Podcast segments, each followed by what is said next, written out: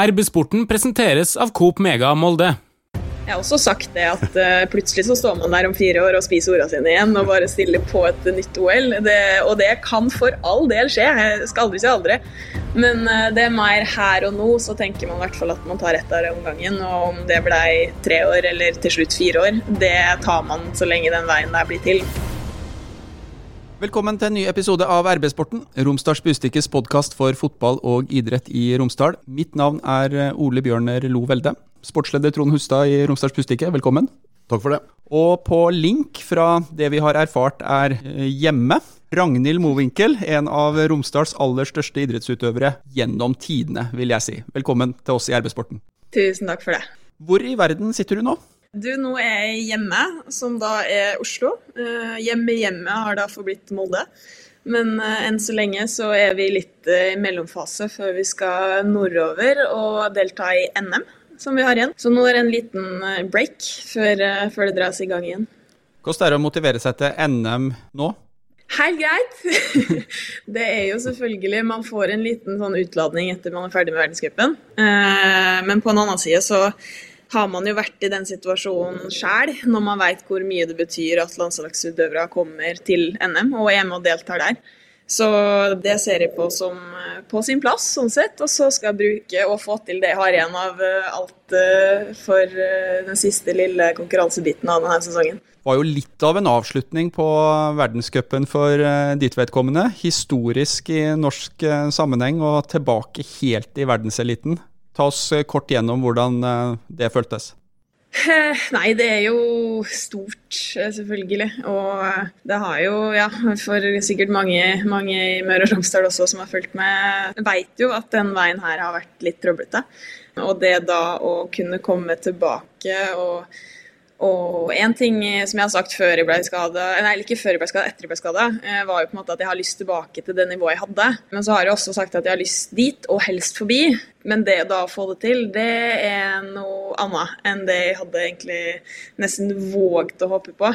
Selvfølgelig, den troa er jo der, men uh, det å faktisk få det til, det betyr noe litt annet. Så jeg er vanvittig glad og stolt og fornøyd, eh, og letta òg, eh, på at det har gått. Min beste sesong nok en gang sånn sett også er ganske kult å få til, med i hvert fall også litt det trøblete året det var i fjor. Tar jeg i hardt hvis jeg sier at du langt på vei kjørte forbi deg sjøl, eller?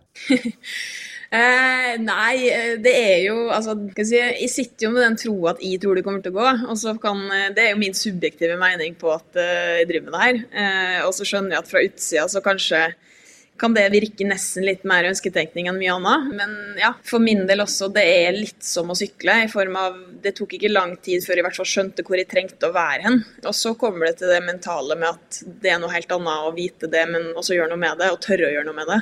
For der føler jeg det meste sitter i hodet. Eh, og selvfølgelig, med å ha gått gjennom det man har gått gjennom også, så er det, det er ganske mange barrierer som skal brytes på den veien. da. Og jeg har aldri vært Altså, jeg er en utålmodig sjel, men eh, akkurat når det kommer til alpint, så, så tror jeg nok jeg hadde gitt meg sjøl litt tålmodighet for å, å, komme til et nivå der du vet at nå kan jeg utvikle meg videre, da, og helst forbi der jeg var. Og det har vært uh, utrolig spennende og interessant og gøy når du merker at de stegene der skjer da, den sesongen her.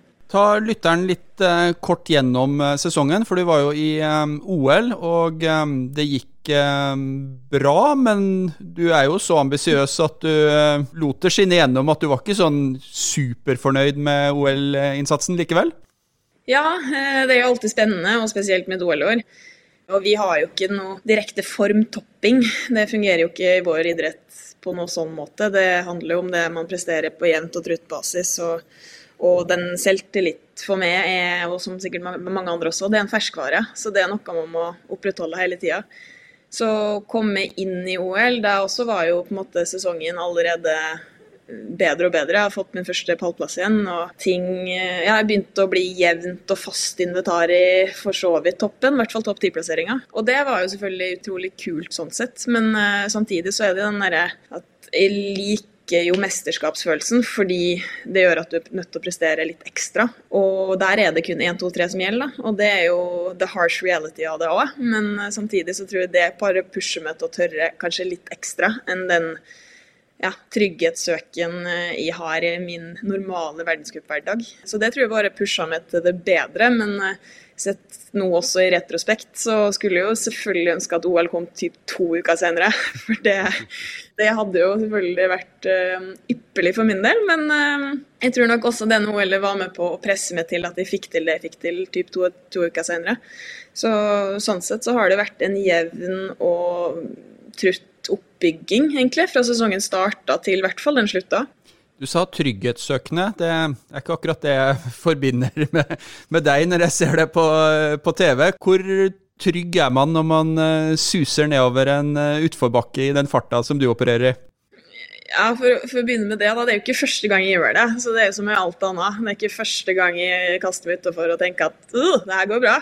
Eh, så man har jo bygd seg opp en toleranse for både fart og kreft og alt mulig som, som gjør at det oppleves trygt eh, i veldig mange settinger. Og så er det som man alltid sier også, går det fort nok, så kan man bare bremse. men For å prøve å forstå det her, du sier du har bygd opp en toleranse, men når du da virkelig på en måte utfordrer den, da er det den klassiske utafor min kontroll, uh, utafor komfortsona, som også kalles det er jo den som er vanskelig å balansere, og det er den som er vanskelig å på en måte vite på hvilken side av den er i nå. Det er fint å ta noen steg utafor, men eh, hvis det blir for stort kvantesteg i forhold til der du står, så er det ofte da også ting kan skje. Og da vi jo, lever vi jo en idrett der eh, det skjer veldig mye hvis det først skjer noe. De gangene du har klatra helt til topps på, på pallen, er, har du liksom befunnet deg i den sona der da? Det høres jo ut som et litt skummelt sted å være, egentlig. Det er jo et skummelt å være, det er 100 riktig. Men det er på en måte det er mye i både jeg vil tro idrett generelt, og i hvert fall for, kan bare snakke for min egen del, men det er mye i den sona, eller hva skal jeg si, der du veit at OK, nå er jeg litt utafor der jeg er trygg, eh, men jeg tror det er nødvendig, på en måte. Og det er senest når, eh, når jeg var såpass heldig å vinne det rennet i avslutninga i Super-G. Da er det også parti i løypa jeg tenker at det her tør jeg egentlig ikke, men jeg lar det stå, og jeg lar det gå, og så ser jeg hvordan det går. Og så går det jo greit. Men det da følelsen av å gi opp kontroll, den er jo ikke så gøy. Eh, for da snakker vi om høye hastigheter og mye krefter, og risikoen som da går ovenfor kanskje det man er normalt sett villig til å risikere. Jeg tror nok det er det som veldig mange kaller det lille ekstra. Og for meg så er det der det å ta det lille ekstra.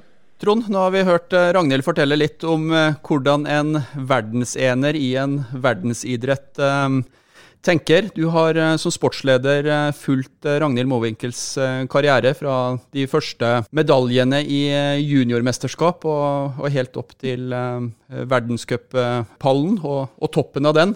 Hvordan vil du beskrive Ragnhild Mowinckel idrettskarriere?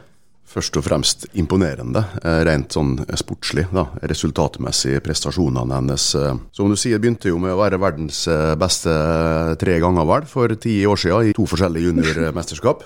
Og så er det jo den mestvinnende kvinnelige norske alpinist i olympiske leker osv. Det er to sølv der, det er en bronsemedalje i VM, og så er det to førsteplasser ikke sant, i eh, verdenscupen, eh, pluss Du kan greia di, du. Jeg har jo lest opp det jeg har glemt nå i dag. ja, det er flott. Eh, pluss en del andre pallplasseringer der. og det er klart at det mest imponerende er kanskje det som vi nettopp har vært eh, vitne til. fordi at det, det comebacket som Ragnhild har gjort nå, det er det vel Hun sjøl har jo trodd på det, naturligvis. Eh, fordi at hvis ikke hadde hun ikke orka gjort den jobben over lang tid etter de to eh, skadeoppholdene, eller det, det ene lange skadeoppholdet. Eh, men eh, mhm. hvis jeg skal være helt ærlig, så har vi jo sittet her og sett noen renn på veien ikke sant? og diskutert og tvilt på kan hun faktisk komme tilbake og bli like god eller enda bedre. Eh, for meg så står den eh, mentale prestasjonen der nesten i høysetet. fordi at det teknisk og fysisk og sånn, så har man jo vært et sted, og det kan du eh, trene opp igjen eller eh, lære seg til igjen. Men eh, å ryke eh, et korsbånd to ganger sånn, det tror jeg ikke at noen kan egentlig prate om eller forestille, som ikke har opplevd det. For en fotballspiller eller en håndballspiller er det jo også alvorlig for karrieren. De har kanskje et apparat rundt seg et lag. De trener sammen med noen andre som er skada på helsestudio eller er i hallen. Men en, en alpinist da, tenker jeg at blir overlatt veldig mye til seg sjøl i veldig lang tid, og må gjøre den jobben alene. Den ensomme kampen på veien tilbake. og Det syns jeg har vært helt rått å se, at du fikk til det. Og at du fikk både Tommy Barstein og Kjetil André Aamodt til å grine på TV på samme dagen. Det er også en prestasjon. Min største gjennom året. Hei sann! Her er jo Hilde fra Coop Mega Molde. Kom innom og la deg friste av den lengste ferskvaredisken i Romsdal. Velkommen til Coop Mega Molde. Når man begynner å teste kneet etter en sånn operasjon, hvordan er det når du liksom skal teste at eh, ting er som det skal? Det er tilknytta så mye usikkerhet, og det er den usikkerheten som du én sitter med der og da. Går det her, går det ikke? Men en annen ting er kommer det her til å gå igjen? Så det er på en måte både kortsiktig og langsiktig usikkerhet som sitter der. Og den største usikkerheten jeg satt med i starten, det var én ting er på en måte det å lære seg å gå igjen og stole på kneet sånn sett og klare å strekke ut. Og det er sånne pittsmå greier som som er banale, men som betyr så mye for framtida. Og den største greia var mer sånn OK, kommer det til å være vondt? Kommer jeg til å klare å strekke ut foten? Kommer jeg til å på en måte kunne belaste den? Kommer jeg til å kunne ta en sving igjen? Er det vondt å gjøre ting hele tida? Er det bare litt vondt? Hele den opptreningsfasen og sånn, det er jo egentlig bare et stort spørsmålstegn, fordi du lurer på hvordan går det her? Er det her vanlig? Er det ikke vanlig? Skal det gjøre så vondt? Skal det ikke gjøre så vondt? Det er bare den konstante 'hvordan kommer det her til å gå'? Og det er kanskje den vanskeligste fasen, for usikkerheten er det den mennesket frykter mest. da. Samtidig så er det jo ett steg av gangen der òg. Og så jeg tror nok det er vanskelig å se framgangen i det du står i det, for de er så minimale. Men hvis du tenker tilbake ok, en uke siden da, eller en måned siden, hvordan var det da? Nei, da, det, da går det bedre. Men uh, det er ikke sånn at en dag så ligger du, og en annen dag så kan du gå igjen. Det er en ganske sånn pinsom prosess fra, fra start til slutt. For å stille et litt sånn dumt spørsmål, har du hatt mye vondt? Ikke dumt spørsmål, eh, og svaret er ja. det har ikke så mye direkte med korsbånd å gjøre sånn sett, men eh, det er jo det som er den måte største skaden av det man hører om. Men eh, det var mye annet som gikk til eh, helvete eh, når den første skaden skjedde, for å si det sånn. Så det er jo på en måte den smerten man sitter med i dag. Det er en av konsekvensene av den skaden man fikk også. Så det er jo kanskje det som har føltes ut som hindra meg mest. Én ting er kommer korsbånd til å ryke igjen, for det, det, er på en måte greit. Men, men det er nok den derre smertegreia som har vært en demper på hele greia i tillegg. Uh, og det er i hvert fall deilig å sitte her nå og si at jeg har på en måte mindre smerte enn det jeg starta med. Og det er jo utrolig deilig. Men uh, den er jo da, og, og, det er jo for så vidt kjempebra, den er jo da bare tilknytta alpint og ski og de kreftene vi snakker der. En vanlig spasertur eller en vanlig greie for meg, det er jo ikke vondt, så det er jeg jo så heldig med. Men uh, i og med at det er alpinist jeg er, da, og det er alpinist jeg driver og skal være, så er det jo helst at det er minst mulig vondt. Har det vært øyeblikk hvor du har vært reelt veldig nært å ta de alpinskia og legge dem på hylla og tenkt at uh, nok er nok? Både ja og nei. Fordi I kampens hete og den rehab-biten og alt det der, så ja, det er flere ganger jeg bare Jeg gidder ikke lenger. Men den indre tanken og alt mulig, det er jo bare på en måte jeg kan heller føle at du da heller syter litt mer og syns ting er kjipt og kanskje urettferdig, men på en annen side så er det sånn Ja, men jeg kommer jo til å gjøre den jobben her uansett, så jeg kan syte så mye bare vil, men uh, til sjuende og sist så er jo den motivasjonen der såpass til stede at du er villig til å gå gjennom det, da. Men jeg tror nok jeg kjente på den litt mer runde to enn runde én, for å si sånn. Runde én var mer forventa, og forventa i den forstand at uh, du ser ikke mange på verdenscup startinglist som ikke har gått gjennom en eller annen storskade. Men uh, runde to, som kom såpass nærme runde én, der var det litt tyngre å på en måte finne den i hvert fall initielle motivasjonen når det sto på. Vi er i hvert fall veldig lykkelige for at uh, de eneste skia som henger på veggen i Ragnhild sitt hjem, er et par treski uh, bak der. Har de noe, har de noe historie, eller er det pynt? Du, det er mest pynt, det er det. Det var vel et eller annet mamma kom med en eller annen gang. Men uh, i og med at man driver med det man gjør, og sånn, så må man holde seg ekte med å ha noe, ha noe ski i leiligheten. Vi eh, snakka litt om Ragnhild sine prestasjoner i verdenscupen i alpint. Og jeg veit ikke om det er sånn, men jeg har lyst til å spørre.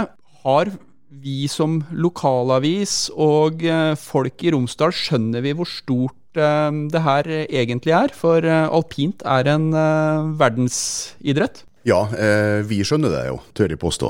Og alle som er interessert i alpint, eller som har stått på ski, de forstår jo selvfølgelig det. Og så jeg tror at den gjennomsnittlige romsdaling eller sportsinteresserte en moldenser også skjønner det, egentlig. Men om man er flink nok til å sette pris på det, eller uh, ser omfanget av uh, prestasjonene, det kan man selvfølgelig diskutere. Eh, altså For Ragnhild sin del, da, for eksempel, kan dra en parallell til Andrine Flemmen også. ikke sant? Det er, Molde har jo vært bortskjemt med, med to sånne profiler som er vokst opp i Tusten og i, i sportsklubben Rival, og som, som har dominert nasjonalt og internasjonalt i en i en årrekke. Som har jo promotert eh, denne sporten her på en veldig fin måte. og, og, og skapt en større interesse kanskje enn det som er naturlig i folket. Så det har vært viktig. Men eh, utfordringa er at dere jo alltid eh, konkurrerer på TV-en et eller annet sted veldig langt borte fra. Det blir en sånn avstand ikke sant, fra, fra Molde eller Romsdal eller fra Norge, eh, for den del. Det gjelder jo ikke bare for alpint, det gjelder for mange andre eh, idretter også. Eh, at den eh, fysiske avstanden blir så stor at det tror jeg eh, forstyrrer interessen blant en del vanlige folk. Men de som følger med Ragnhild, de gjør det hele tida. Og da får man stadig overraskelser og, og gode opplevelser på TV-skjermen. Verdenscupen i alpint benevnes ofte som verdenscupsirkuset. Hvor mye sirkus er det? Hvordan er liksom stemninga rundt et, ei ordentlig worldcuphelg i, i alpint? Langrenn er på en måte vår nasjonalsport, så er jo da alpint nasjonalsporten i spesielt Mellom-Europa. Eh, og det ser man jo også til gjengjeld at eh, når Norge har Holmenkollen og stor ståhei der og full fest og full fress, så har man det også da i Sveits og Østerrike og til dels Italia og Frankrike, at det er på en måte stor ståhei rundt det. da. Og det ser man også at man bruker mye ressurser på, og man bruker mye det er mye blest rundt det der. Og det gjør jo at det fort kan bli litt sirkustilstander. Det er mye greier rundt det. Utrolig gøy og kult, og så er det også veldig fjernt for oss som kommer da fra, fra Norge, hvor mye blest det er rundt alpint. Men samtidig, det er jo en kul greier, og til sjuende og sist, eh, altså idrettsutøvere uansett idrett, så lenge man driver med det på det nivået. Vi er underholdningsartister på en stor scene sånn sett. Det handler om interesse og at folk bryr seg, og at uh, folk er interessert i å vite hvordan det går. Eh, så da blir det jo fort, eh, i enkelte tilfeller, i hvert fall litt sirkusstemning. Hva er det som er kuleste destinasjon? Hvor er det artigst å kjøre? Oi, det var et eh, vanskelig spørsmål, faktisk merke interessen rundt alpint er jo for vår del høyest rundt Sveits og Østerrike. Så det merker man også på en måte i form av uh, hva de legger til rette for, uh, hvordan preparasjoner de lager, ekstra ting som kommer i tillegg til selve vårt event. da. Så det er jo veldig stas, men av personlig mening så må jeg si at det, det å kjøre renn i Italia og ja, spesielt Italia. Det liker jeg veldig godt, men det handler like mye om utsikt og natur og snøforhold og ja, løypeprofil og det er mye annet som, som, påvirker mitt valg. Da. Det er litt variert, det vil jeg si. Spørs hva man putter det på. Hvor kommer Ragnhild Mowinckel til å dra på alpinferie om ti år? Hva er liksom det stedet hvor du tenker at du vil dra for å, for å slappe av? Det er veldig bra at du sa ti år, for det kommer i hvert fall ikke til å skje med det første. det gjør det ikke. Men kanskje om ti år så er jeg jo veldig, veldig eh, både fascinert, men også glad i dolomittene. Eh, og Grøden, Val Gardena, det området der er vanvittig stort. Og for meg så tror jeg nok det er like mye stas i det å ikke kjøre samme bakke én gang, og at du har et evig langt nettverk av heiser og sånn. Så, og selvfølgelig bra mat, hyggelige folk alt det andre. Men eh, det er akkurat sånn type ting tror jeg nok jeg kanskje kommer til å oppleve da mer om typ ti år, enn det man får gjøre i min hverdag. Med fare for å fornærme noen, er det noen steder du tenker at uh, dit skal jeg aldri igjen? Hvor det rett og slett uh, ikke er artig å stå på ski? Ja, heldigvis så tror jeg ikke det her kommer noe sted der det her gjelder, da. så det er jo fordel. Men du, jeg tror jeg, jeg, hadde ikke verdens beste opplevelse med mitt første verdenscuprenn i fart, som var i Bad Klein Kirchheim. Det var også i Østerrike. Det er et sted nå der både første gang jeg kjørte der, alle andre ganger jeg har vært der, har vært helt bedritent, egentlig, for å si det. Både av forhold og alt som har foregått rundt. Scenen har tatt fyr, tæra velta inn i løypa, granbar ligger overalt. Altså det, det, er så mye som påvirker det. da, Og selvfølgelig, du var en dritredd, sikkert vet ikke hvor gammel jeg var til slutt, 18-19-åring som sto på start og følte seg ikke klar for det i det hele tatt. og det var skummelt og vanskelig og ikke sant, alt. Så hyggelig plass, for all del, men i den løypa og den traseen tror jeg ikke du finner med mer, rett og slett. Hei, Hilde her, fra Coop Mega Molde. Hos Coop Mega Molde finner du alt du trenger til både hverdag og fest. Kom og la deg friste av den lengste ferskvaredisken i Romsdal. Du finner også et stort og bredt utvalg mat fra lokale produsenter. Velkommen til Coop Mega Molde. Under OL så kom du med at det var ditt siste OL-renn. Først, Var det planlagt, eller var det en eh, journalist som stilte et godt spørsmål, og så måtte du bare svare ærlig når, eh, når det ble stilt? Nei, det var vel en miks mellom begge, vil jeg tro. Um, planlagt i den forstand at um, jeg, har sett på det litt sånn her at når du er liten, så går du ut og leker i gata for siste gang uten at du er klar over det. Og for meg så var det som at uh, jeg har lyst til å sette så pris på det siste OL jeg skal være med, at uh, jeg er klar over det òg. Og det da å velge å si det, det er også på en måte mitt valg. Men at da vet man at uh, selvfølgelig det er, en, det er, en, start på en slutt. Men samtidig så er det den slutten trenger ikke å være imminent og kommer til å komme med det første. Men fire år er veldig lenge. Og for min del da, som har allerede opplevd tre år, så var det et valg som man sto for der, og tenke at nå har man i hvert fall kommet til at man tar ett år om gangen. Hva slags mål er det man heiser opp og liksom ser fram mot da, når man ikke skal se mot et OL? Jeg tror nok de målene man setter seg, kanskje litt mer grunna i verdenscupen generelt. Eh, nå var jeg jo heldig og for så vidt fikk det til såpass bra at jeg, jeg havna fire i overallen eh, det året her i cupen. Og det er selvfølgelig det beste jeg har fått til, men samtidig så er det jo grådigheten sjøl. Mye har lyst på mer. Det har alltid vært en drøm å kunne kjempe om ei kule. Og selvfølgelig med faktisk også stikke fingeren i jorda og se hvor man er igjen, så er ikke det en umulig eller en vanskelig Vanskeligere, men ikke en, en såpass vanskelig målsetting at det, det, er umulig. Så forhåpentligvis så blir det noe man kan oppleve, eh, men det er en utrolig jobb for å komme dit. Men eh, at det, en, det kan være en realitet, det syns jeg er en kul målsetning å kunne ha. Du kan jo også bli verdensmester, f.eks., uten å holde på i fire år. Da må du kanskje holde på i, Det er også veldig veldig mulig. i ett år. Og du vet at det er ikke langt, eh, langt unna det. Både ett år og tre år.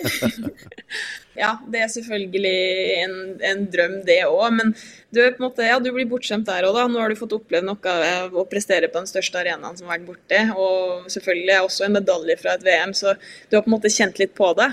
Men jeg tror nok for min egen del så tror jeg verdenscupen eh, ja, om det ikke sammenlagt, men i hvert fall i en disiplin, henger høyere, tror jeg. Det, den derre consistencyen med en kule, det, det, henger nok høyere. Men hvis du skal være helt ærlig nå, da, når du har fått dette litt på avstand. Du sier at du skal ikke holde på om fire år. Men hvor langt mm. ser du egentlig, hvis du skal svare direkte på det? Du, Nei, jeg har ikke en sånn det, det er dit de skal holde på. Eh, det eneste jeg vet, er mer at jeg tar ett år om gangen. Og så lenge motivasjonen kneet har muligheter, gleden er der, eh, så tar jeg det året, og så tar jeg neste år, og så tar jeg det året, og så er vi der, på en måte. Og jeg har også sagt det at eh, plutselig så står man der om fire år og spiser ordene sine igjen og bare stiller på et nytt OL. Det, og det kan for all del skje, jeg skal aldri si aldri.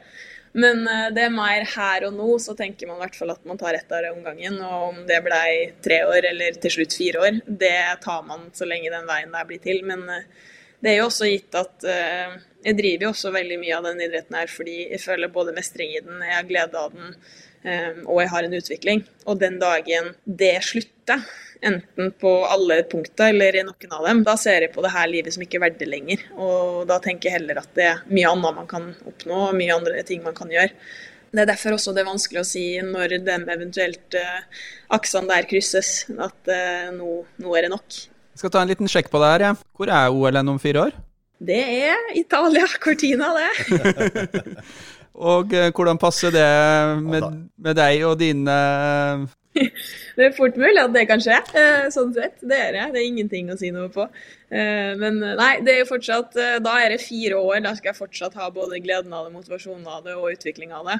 Så skal aldri si aldri. Men samtidig så er det på en måte den greia at det tar ett år, ett år om gangen, og tar det litt derfra.